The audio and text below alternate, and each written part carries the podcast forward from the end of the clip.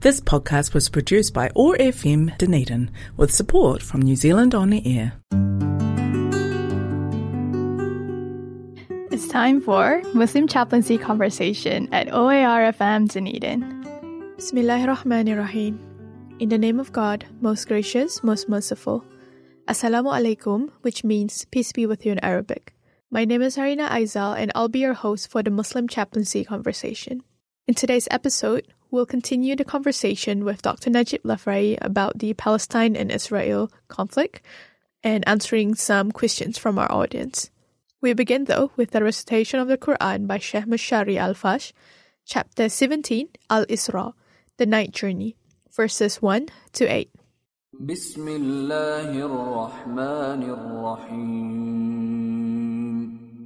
سبحان الذي أسرى بعبده ليلا من المسجد الحرام إلى المسجد الأقصى الذي باركنا حوله لنريه من آياتنا. إنه هو السميع البصير.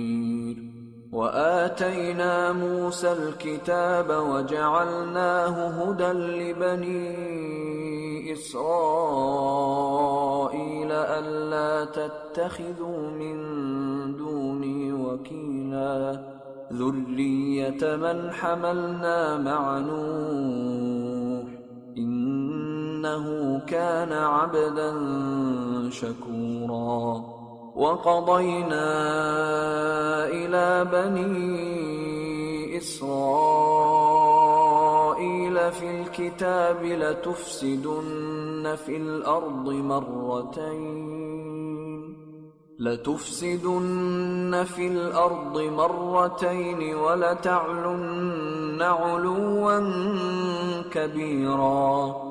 فإذا جاء وعد أولاهما بعثنا عليكم عبادا لنا أولي بأس شديد.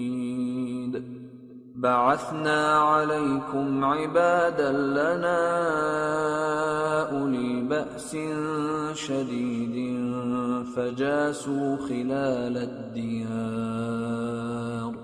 وكان وعدا مفعولا ثم رددنا لكم الكرة عليهم وأمددناكم بأموال وبنين وجعلناكم وجعلناكم أكثر نفيرا إن أحسنتم أحسنتم لأنفسكم وإن أسأتم فلها فإذا جاء وعد الآخرة ليسوءوا وجوهكم وليدخلوا المسجد كما دخلوه وليدخلوا المسجد كما دخلوه أول مرة وليتبروا ما علوا تتبيراً.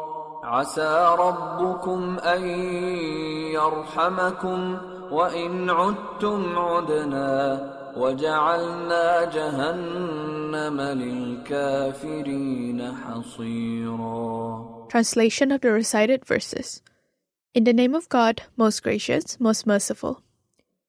Glory to him who made his servant travel by night from the sacred place of worship in Mecca to the furthest place of worship in Jerusalem, whose surroundings we have blessed to show him some of our signs. He alone is the all hearing, the all seeing. We also gave Moses the scripture and made it a guide for the children of Israel, saying, Entrust yourselves to no one but me, you descendants of those we carried with Noah. He was truly a thankful servant. We declare it to the children of Israel in the scripture, Twice you will spread corruption in the land and become highly arrogant. When the first of these warnings was fulfilled, we sent against you servants of ours with great force, and they ravaged your homes.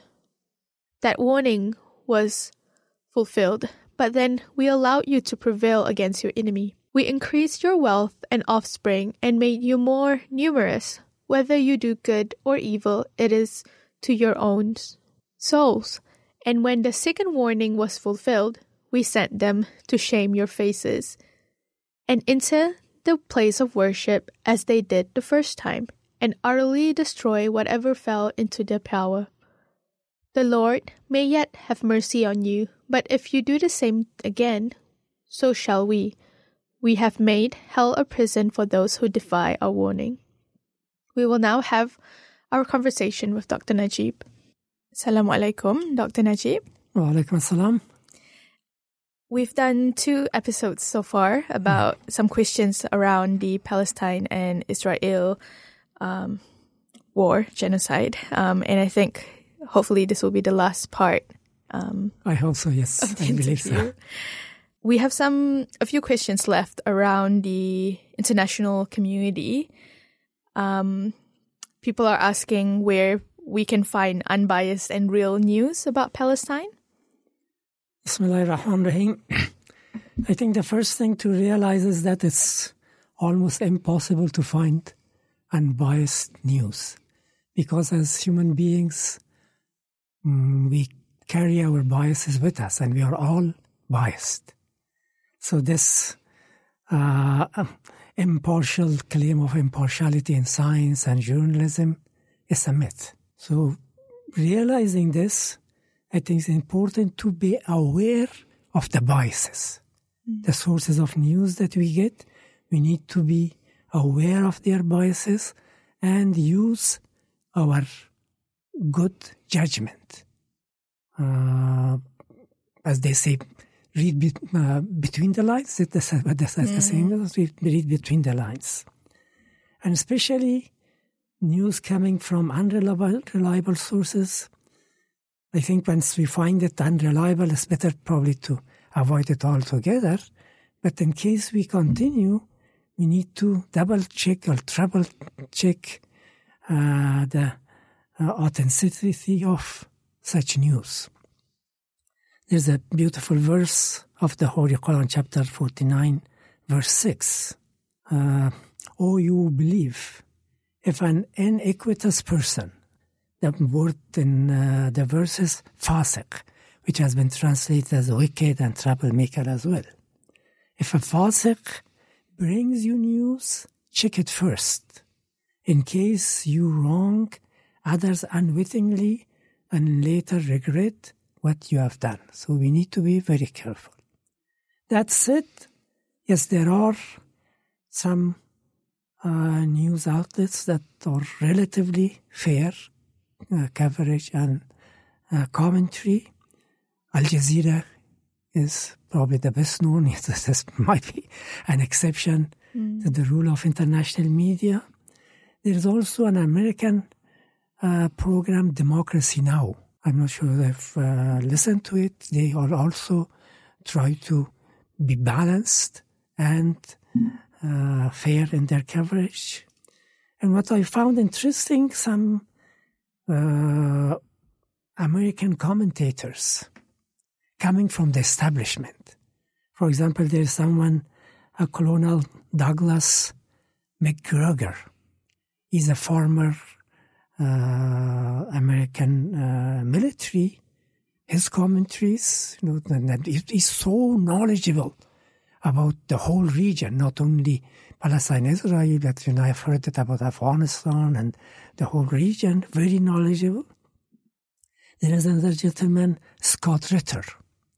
He was at the team of uh, United Nations investigating Saddam Hussein's uh, weapons of mass destruction and seeing the U.S. lies at that time, he mm, became uh, uh, anti-establishment, quote unquote. So his commentaries are very interesting and uh, well balanced as well. As far as the social media, unfortunately, I'm illiterate because I neither have Facebook nor Twitter or uh, X or Instagram. But I think the general advice to be aware of the biases and use our own good judgment would apply in their case as well. Mm. Yeah, it's good that you mentioned social media because that's where people are getting quite. And it's an news. important source now. Yes, a very Yeah. important source. Yes. Um, so of course, with the news, and I wonder if you can share what are some common misconceptions or stereotypes that you see about each side. There are quite a few. About Israel, mm, the picture that we got, although to some extent still we are getting that it's a small, vulnerable democracy. Mm, Sometimes they emphasize the only democracy in the Middle East, surrounded by a sea of enemies. That is uh, the mm, mm, picture that uh, we are shown. But is it really a democracy? This is this is a big question. Uh, human rights organizations, Human Rights Watch, Amnesty International, and I think even the uh, Israeli human rights organizations, they describe uh, Israel as an apartheid state. So how could an apartheid state be democratic? This is a question.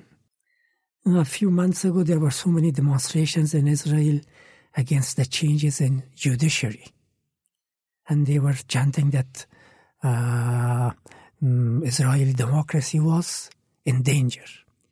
And a Jewish journalist at that time wrote uh, in The Guardian, and I quote, Israel hasn't been a democracy for a long time. Now Israelis need to face this fact. So it's not a democracy that they have the trapping of democracy or the window dress, the dressing of democracy because the institutions are there. But the principles, they are not applied, so that it cannot be considered as a democratic state. Occupation, of course, violation of human rights and violation of international laws. That is for the occupied areas, but even within so-called Israel proper, not all the citizens are Jews. They have Jews, they have Palestinians, they have Druze. And their rights are determined not by citizenship. It's de- uh, determined by their nationality. And there, there are discriminatory laws against those who are not Jews. And to the extent that many areas of land are off limit to Palestinian citizens, not coming from occupied area. Palestinian citizens. So it's not certainly a democracy, and the other that it's a, uh, a vulnerable state. It is one of the world's. It has one of the world's m- most powerful militaries, according to some, the fourth strongest military in the world, and it has been enjoying the U.S. mm, uh, support of four billion dollars uh, every year, and the most advanced weapons, and being you know that the neighbors. I think I explained it last time that from the very beginning they have been accommodating. So that's not true either.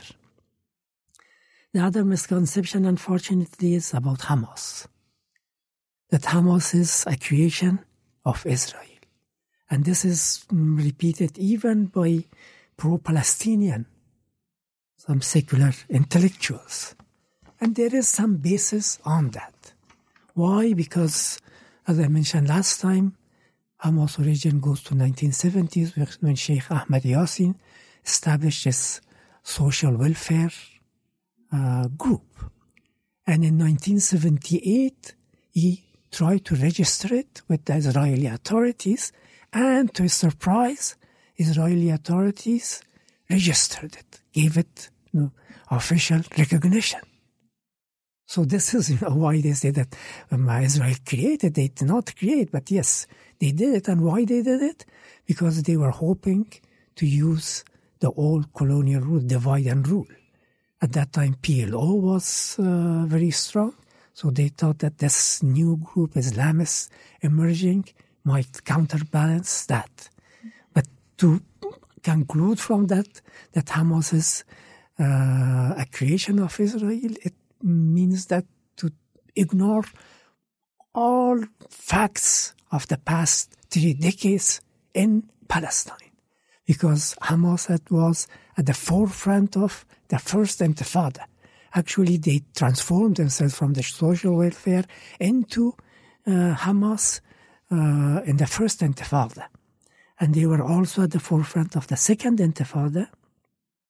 And they have lost countless leaders, including Sheikh Ahmed Yassin, who was a crippled. He was using wheelchair and he was assassinated by it. So how could Israel assassinate his own friends? So that's not true at all. Then another, and it's unfortunately repeated over and over and over, that Hamas is a terrorist group. Terrorist groups, their main aim is terrorism. Al Qaeda, Boko Haram. They don't have, you know, their main aim is to hit the enemy wherever vulnerable they are in order to make some political point. But Hamas, and again, I think mentioned this, that its main activities are political, uh, educational, social welfare, and military wing is only one aspect of it. So it's not terrorist organization, but then the question arises not being a terrorist organization, do they commit acts of terrorism? In my mind, unfortunately, yes. Uh, we need to define terrorism. I was teaching about terrorism, and at that time I did research. It's a contested concept. No one, not even United Nations, have come to a common understanding of uh, the concept of terrorism. I found more than 100 definitions of terrorism. And there's a very famous saying that one man's terrorist is another man's freedom fighter. And that applies very nicely and it shows us how uh, true it is in case of Nelson Mandela. Do you know that he was on the US terrorist list until 2008? I met him, I think in, I met Nelson Mandela when I was attending United Nations General Assembly. Was it uh, 1990? I think it was 1995 because it was anniversary. Yes, anniversary. So I met him. So he did travel to the U.S. to New York, but the president had to make exception to allow him to. So he was a terrorist for the U.S. But now he's a hero in the eyes of all. So what is terrorism? that as a result of my research, I came with, up with six characteristics. The most important is it involves mm, the use or the threat of violence, that it's committed to promote a political agenda, and is usually directed against innocent civilian targets. And that um, victims are not the real target. The real target is the government or to make a point to someone else. So it, and uh, uh, and it's intended to produce effects beyond the immediate physical damage it causes. It is carried out in a way that produces extreme anxiety, shock, and maximum publicity. And its perpetrators are members of an organized group. This is again contested. Not everyone agrees because you have the Unabomber in the United States that it was just an individual who sent uh, letter bombs and so many people were killed. Was he a terrorist? If you say that it's organized group, he was not, but some say that he was. So these are the characteristics of terrorism. Now, you know, I, I used to ask my students, think who is the greatest terrorist of all? In the world who has caused the greatest loss of innocent lives in order to make a political point and to gain some uh, political agenda from their governments. I don't want to answer it here, just to think about it. Think about World War II and what happened there, and so you can, you can. And now coming to Hamas, as I said, yes, unfortunately, they do target innocent civilians. uh, which can be considered as acts of terrorism.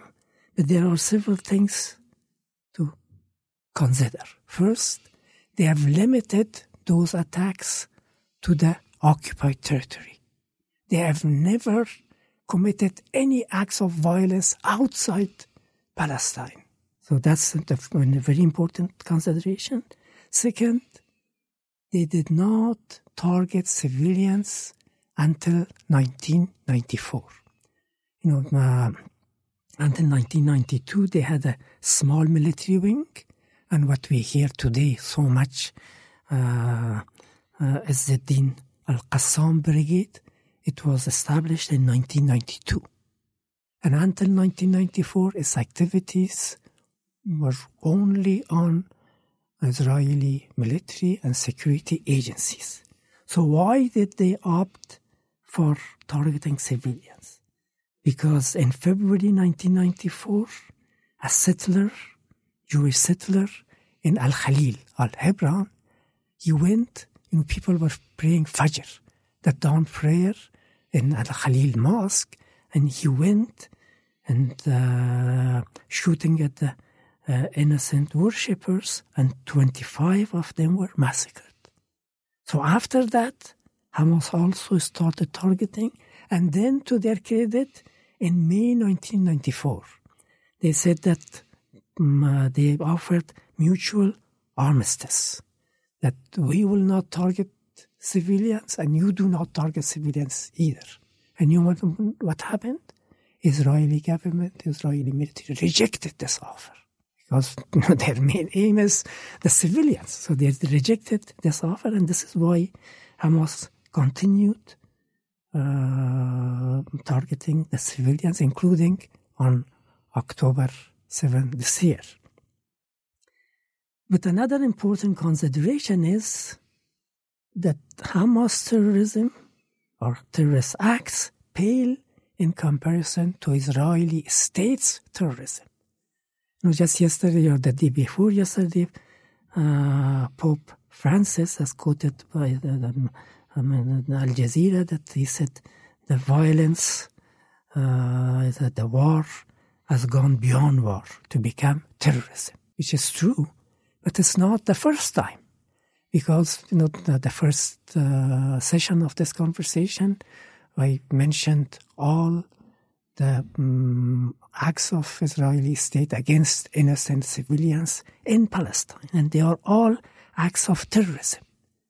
And here I'm reminded of Noam Chomsky. I'm not sure whether listeners are familiar. He's a Jewish scholar, linguistic, and he has some innovations in it. And he's a very uh, strong commentator and uh, on the U.S. foreign policy and, and the Middle East. He make a distinction between retail terrorism and wholesale terrorism. So using his terminology, uh, Al Qaeda's, I mean, uh, um, Hamas acts of terrorism would be retail terrorism, and state of Israel's uh, terrorism would be uh, wholesale terrorism. I have an interesting story on that, but I'm not sure whether we have time, so I leave it if we have time, probably at the end. Then another misconception is that Hamas wants to wipe out the state of Israel. You know, mm, there have been so many complaints about this uh, slogan that are chanted at the uh, rallies uh, from the river to the sea, Palestine will be free. Because mm, from the river to the sea is in Hamas uh, charter. But it's also on the agenda of Zionists. From the very beginning, the Zionists have been talking about Greater Israel. And the map that uh, Netanyahu showed at the United Nations in September confirmed this because there was no West Bank and there was no Gaza. All were the state of Israel. So that has been their aim. So yes, uh, that is uh, the um, if they could get the ultimate aim of uh, Hamas, but they have been practical. They have been pragmatic. And because now they distinguish between what they call historical solution and interim solution. For historical solution, they say there should be uh, a Palestinian state um, from the Mediterranean Sea to the Jordan River, end of occupation, and of course the settlers and those who have come from outside, they should go back to their places that they came from, and there will be a state you know, everyone would have a right, Jews, Muslims, Christians, and as you know, as I've mentioned, a large number of uh, um, uh, Palestinians or uh, Christians, they all live uh, in equality. But they say that this is far from happening now. So for the moment, they offer interim arrangement based on armistice, again, for certain period. It could be for 10 years, it could be for 50 years, it could be for 100 years. So it depends on the uh, agreement that they come. Um, and for that, unconditional withdrawal of Israeli forces from the West Bank and Gaza Strip, including the Eastern Jerusalem, removal of all settlements, and then among the people, Palestinians inside and outside, there should be uh, free elections to choose their future government. And that they went a step further in May uh, 2017 because Khalid Mashal, as you know, is the leader in exile of Hamas. He presented a document that called for formation of Palestinian state along the 1967 border. And on that occasion, Marwan Bishara, who is uh, Al Jazeera's senior uh, political analyst, he said, and I quote, Hamas has been accused of being dogmatic and living in a straitjacket. Mash'al made it clear that the new Hamas, if you will, is dynamic and open minded. So that mm, Israel, uh, Hamas wants to eliminate Israel altogether. If they could, yes, they, they, they would. But they know that they cannot, and they are pragmatic, and they have offered solutions for that. Mm. So these are some misconceptions, but we don't have time to cover yeah. um, too many. So we've covered about the international community um, and also like the background of the conflict. Now, um, let's talk about what can be done. What are some proposed solutions do you think would solve the conflict? Again, for Hamas, it would be one Palestinian state from the river to the sea, and for Zionists, it would be one uh, Jewish state from the river to the sea. But I think both realize, and or should realize at least, although Israel was under Zionists were under the impression that they are achieving their aim. The most talked about solution is the two-state solution, and that is what uh, the United Nations 1947 partition plan also called for. And that means that historical Palestine to be home to two independent, sovereign Jewish and Palestinian states. And of course, uh, in United Nations, Jerusalem was separate because for that they called for international to be an international city. Uh, PLO, Palestinian Liberation Organization, accepted the uh, two state solution along the 1967 borders in 1982, and then they recognized Israel in 1993 with the hope that they could achieve what they had accepted in 1982. And Saudi Arabia and the Arab League proposed it again in early uh, 2000s. And Hamas, as I mentioned, confirmed that in 2017. But I believe, along most of other observers, that it was possible until 1990s and probably early 2000s. But now it's almost impossible. That's why Hamas calls for the removal of settlements.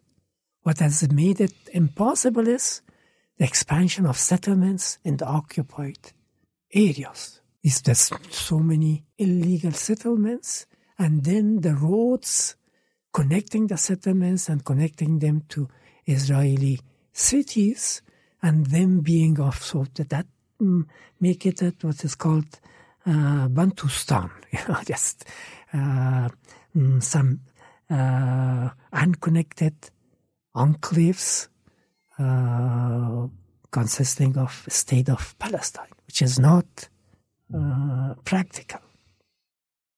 Interestingly, there have been three mm, or four state solutions. I would not have taken this serious if it was not mentioned. It was not, if I didn't see an article in World Politics Review. It's a very good online uh, journal. They had an article and they talk about Israel, West Bank, Gaza, and possibly Jerusalem, each being under separate uh, sovereignties and authorities.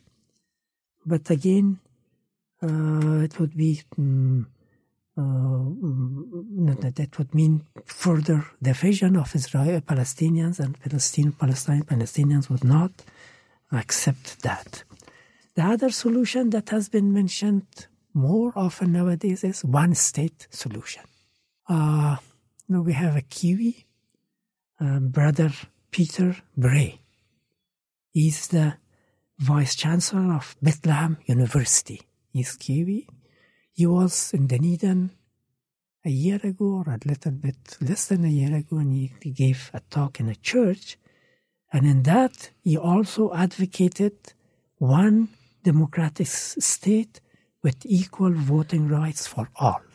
Because we also talked about two state solution and why it's impossible now. So he believes that there should be one democratic state with equal voting rights for the, all the inhabitants. He doesn't, unlike Hamas, he doesn't call for the, the Jews and to go away. So they are there, they can be there, but everyone should have uh, and there are some other variations of this, calling for a federal state or a confederate uh, state.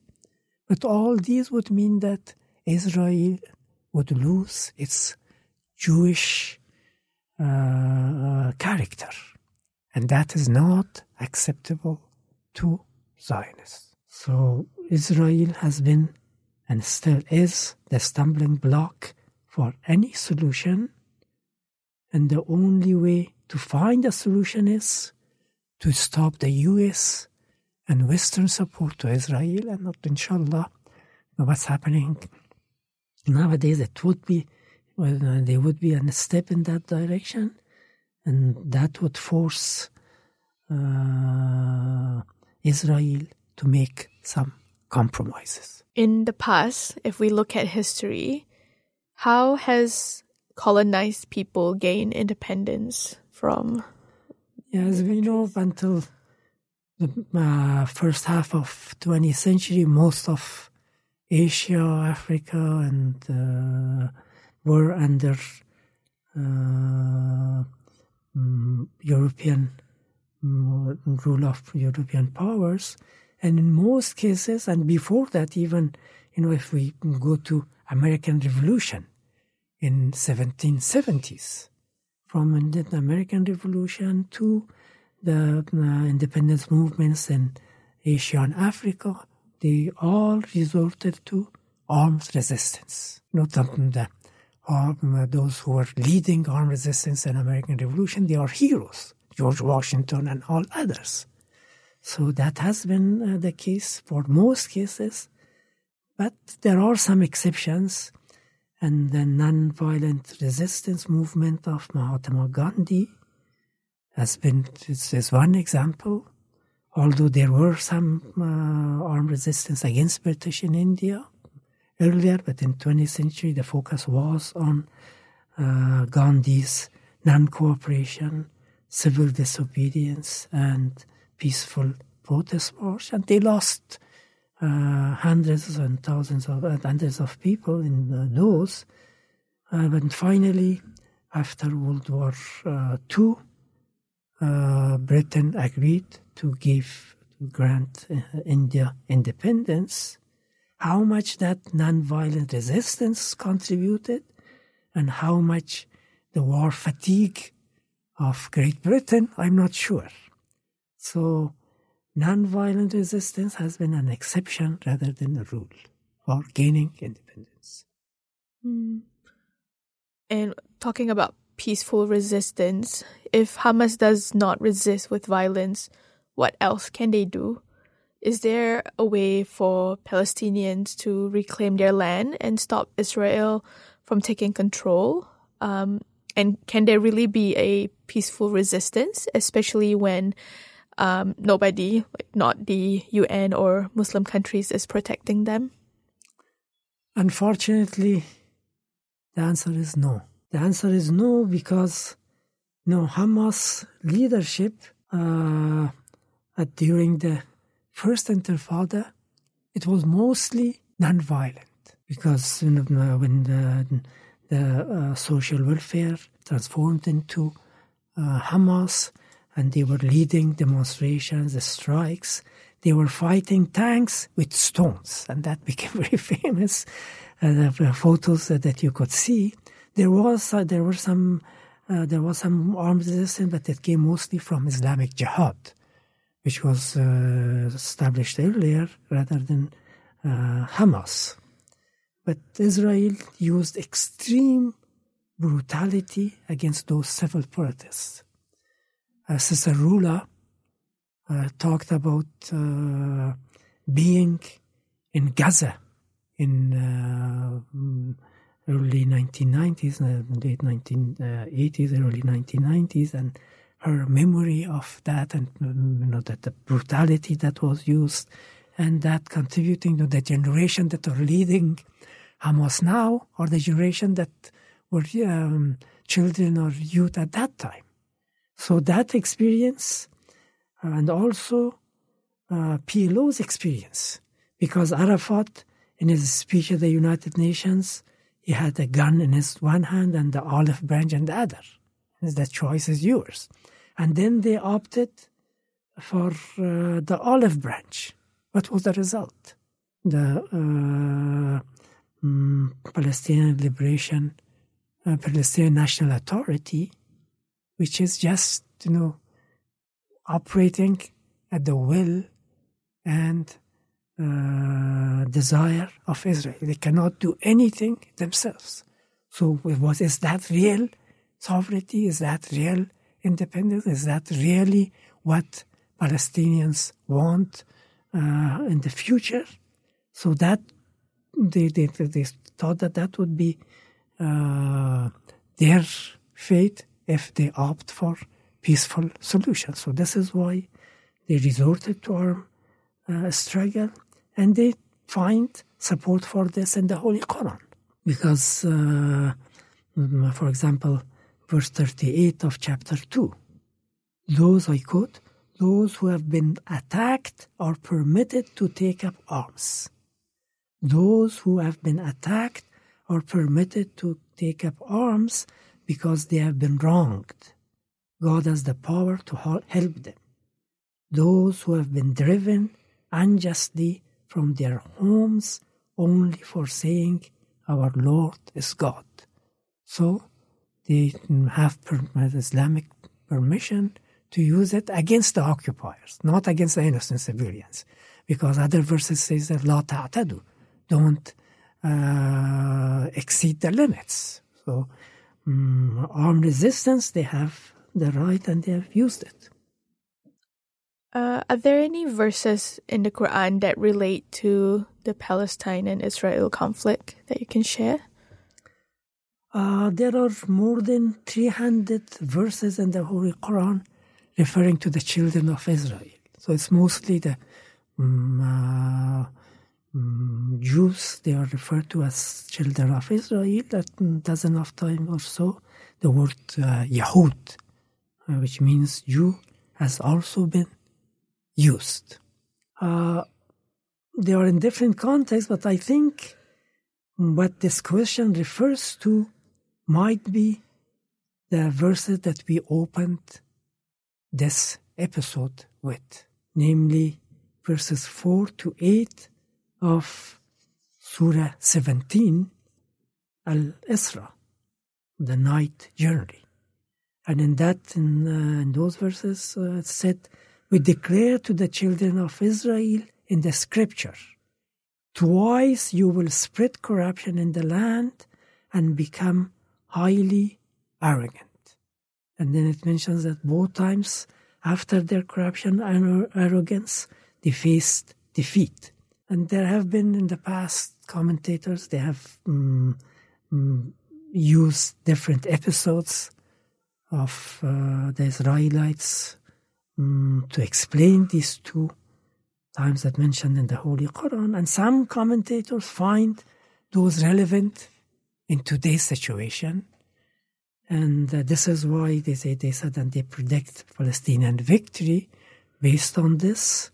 I'm not very convinced that it because you know the, the um, it might apply, but it has applied to the other occasions in the past, and it might apply to other occasions in the future.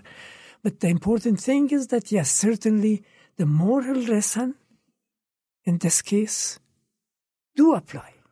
The moral lessons do apply.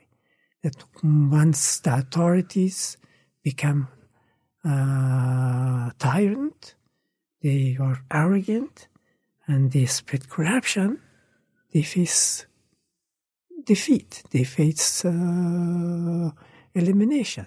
That, that is the law of God Almighty, and it has mentioned over and over in the Holy Quran that uh, those who, um, you know, that, that higher level elites, uh, giving themselves to the uh, arrogance and uh, finally facing elimination. So that, that the moral lesson certainly applies. So my position is Wallahu Alam. God Almighty knows best. Mm. You know, we, we look in the news and it feels quite sad, overwhelming, and um, sometimes a bit hopeless. I wonder what would you say is something Muslims can do, Muslims around the world can do for their brothers and sisters in Palestine? How can we support uh, Palestine from New Zealand as well? I think the important thing is first for ourselves to raise our awareness, to know what's happening, because not, not many people know about the history of the conflict and about what Israel has been doing. So first it's important to educate ourselves and then educate those close to us and whoever then that we can uh, um, work with. And I think that also it's important to attend the rallies. We think we are here in South Island of uh, New Zealand, south of South Island. What my um, participation would do? Certainly, it does. It raises awareness to people here, and uh, so and uh, uh, social media uh, Mm, uh, again, um, I uh, don't have uh, access myself, but from what I have heard, it is very important and is playing an extremely important role in the current conflict because the traditional biased media is losing its monopoly. And then Zionist narrative has been challenged for the first time and they seem worried and I can recommend. And that find I found this video very uh, informative, and uh, uh, the video is "Have Muslims in the West betrayed Palestine?" So if you have not watched this, if you search for "Have Muslims in the West betrayed Palestine?" There is someone talking about the significance of social media. So I recommend to watch that.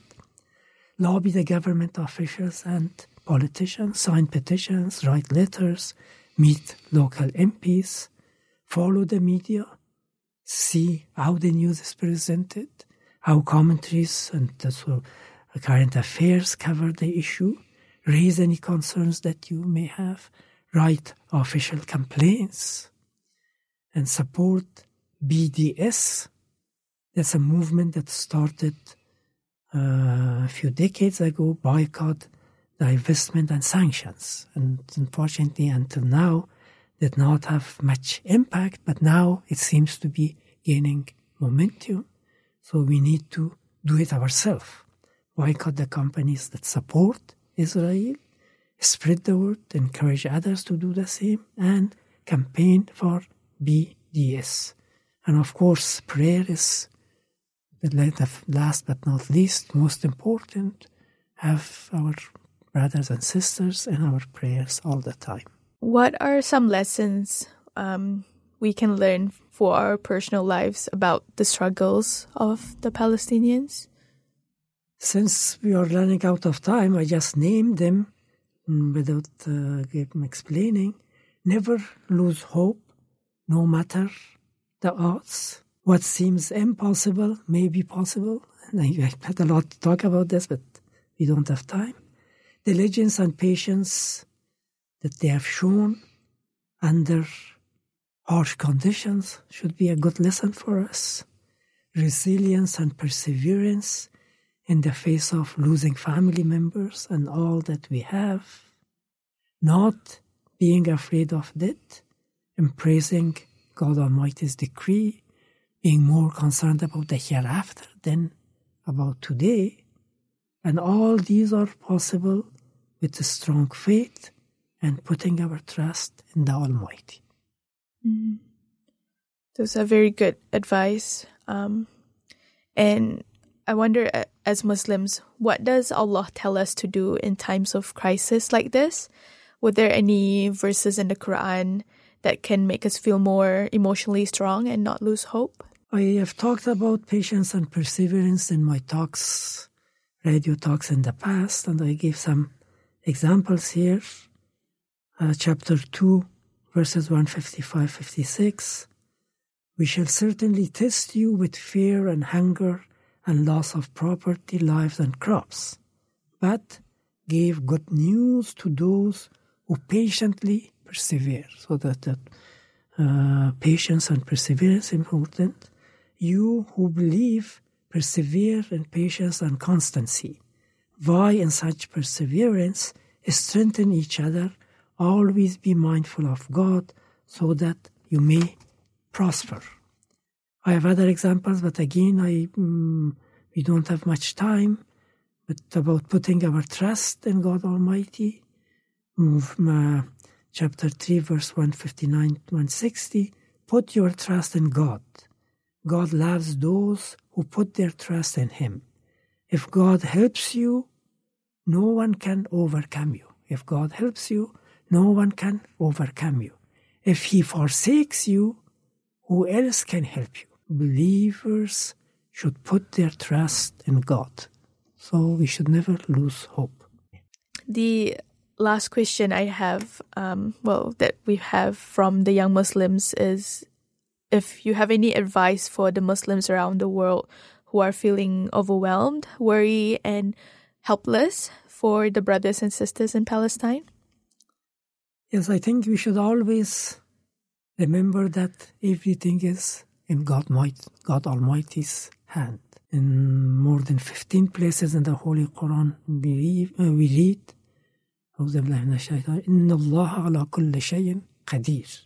God has power over everything, or God has power to will anything. And another verse uh, says that, do the believers not realize that if God had so willed, he could have guided all mankind. The same could be said. He could have changed the situation in Palestine overnight. But um, it's God Almighty's will, so there is some hikmah, there is some uh, wisdom behind it, and um, to tell us that that has been, you know, that the God Almighty, how He can change the situation. We have some examples. For example, uh, Surah Al-Fil the companions or the army of the elephant. Again, we don't have time without going to uh, details. Do you, prophet, not see how your Lord dealt with the army of the elephants? Did he not utterly confound their plans? He sent ranks of birds against them, pelting them with pellets of hard baked clay. He made them like cropped stubble. You know, this was um, 570 of mm, the common era that uh, um, Abraha, uh, he invaded Mecca with the um, aim of, yes, this is before Islam, with the aim of uh, destroying uh, Kaaba and God Almighty protected it by some that the verse says bird, but the, according to commentators, it might have been some disease like smallpox and things like this. The other thing that we need to realize that hardship is ease is born of hardship. Surah uh, Al Sharha, in that we have truly with every hardship comes ease, and that's about the Prophet peace be upon him. Have we not opened up your heart and lifted from you the burden that had weighed so heavily on your back and raised you high in dignity? So truly with every hardship comes ease. Truly with every hardship comes ease. Hence, when you are freed from the stress, remain steadfast and unto your Lord turn your attention. Chapter 94, verses 1 to 8. You know, that reminds us of Prophet, peace be upon him, 13 years in Mecca. How much he and a small group of Muslims suffered and raised um, uh, uh, him high in dignity. Today, millions of people or billion, I should say, over um, one and a half billion Muslim.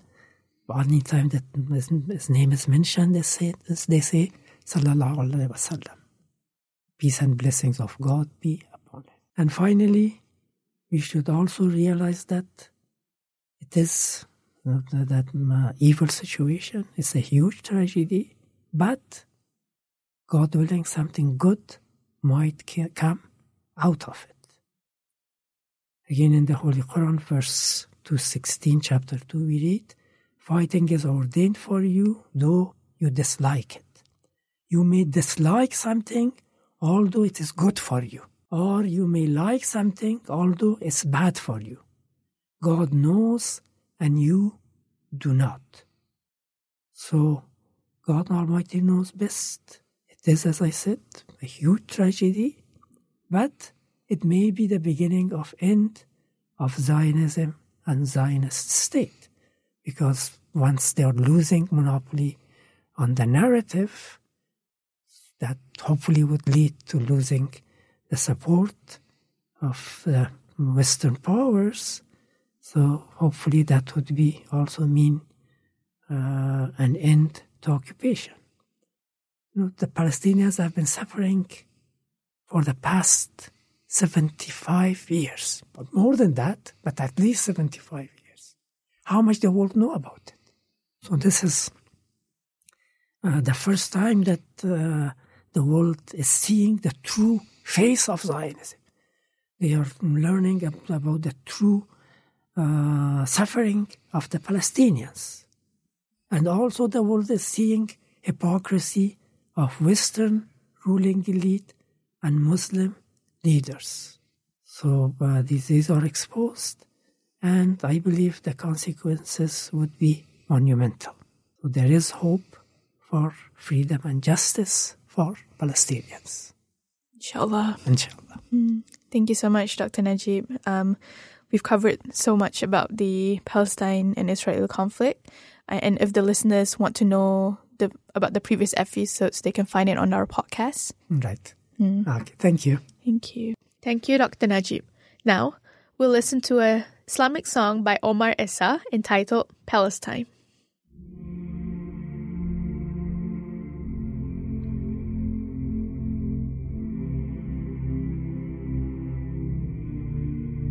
They've been calling, they've been asking for some help, but nobody seems to care.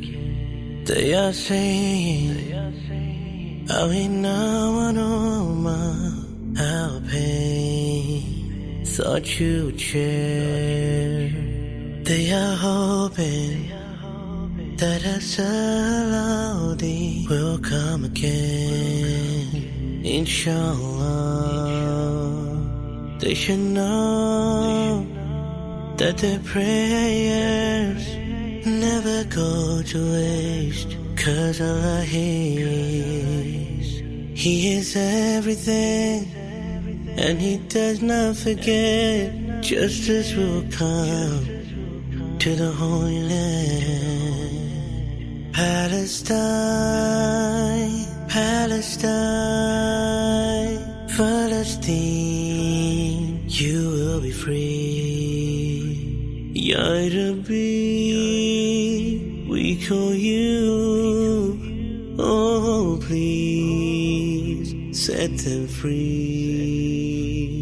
It's the same old story, different day. They're just hoping for a change.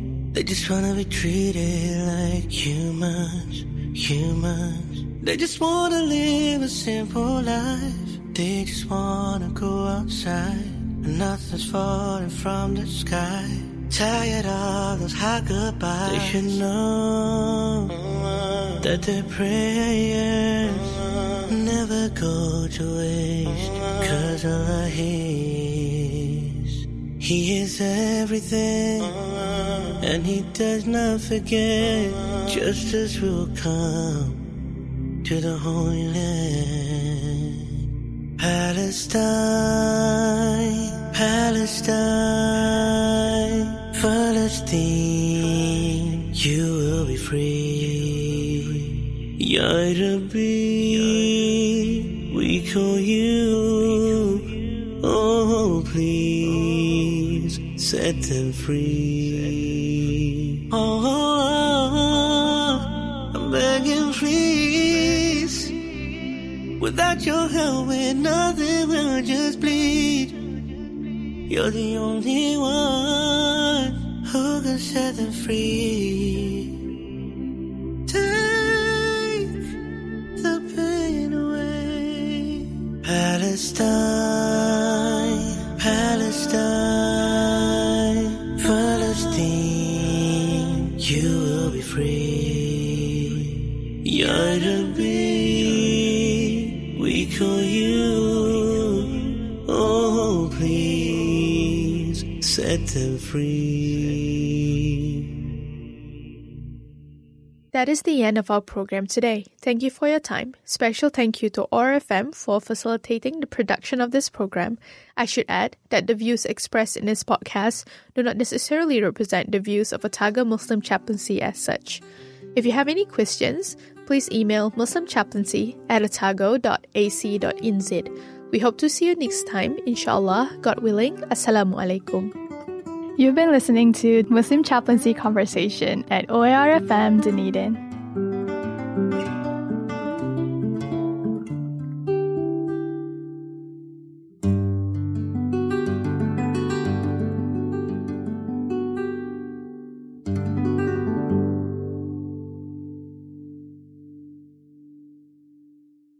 This podcast was produced by OAR FM Dunedin with support from New Zealand On the Air.